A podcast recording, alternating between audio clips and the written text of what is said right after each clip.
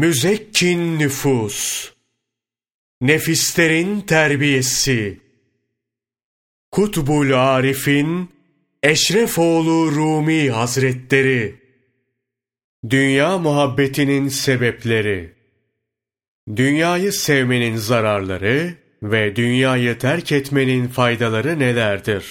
Dünyayı sevmenin sebebine sebep nedir? Bunları da anlatayım. Bu kitapta cevabı verilmemiş soru kalmasın. Zira kitap bu yola yeni talip olanların işini kolaylaştırmak için yazıldı. Ey aziz! Dünyayı sevmenin sebebi ölümü unutmaktır. Ölümü unutmanın sebebi ise geleceğe dair uzun emellerin endişesiyle yaşamaktır. Nefsi emmare sahipleri uzak emeller besler, bunlara dair endişe duyarlar. Bu hale tuli emel denir.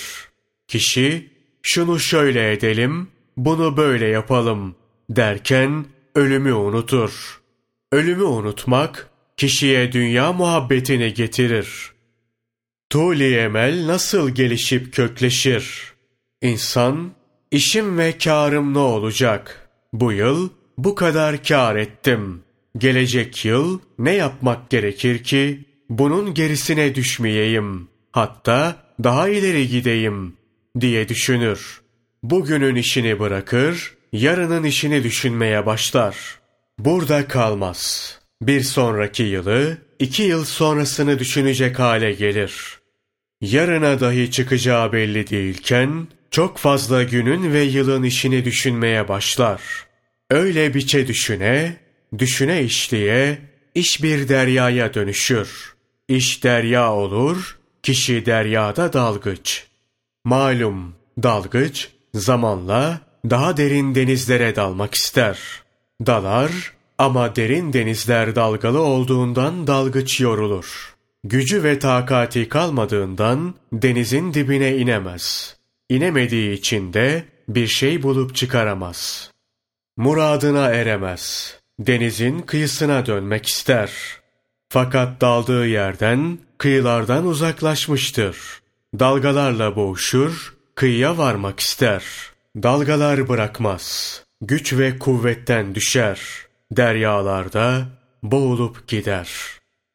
İnsan başta ömrünün uzun olduğunu düşünür. Bu kadar yıl yaşarım deyip ölümü unutur. Ölümü unuttu mu yüzünü dünyaya çevirir. Gittikçe onu sevmeye başlar. Nefsi emmarenin hayallere ve erişilmez emellere sahip olduğunu söylemiştik.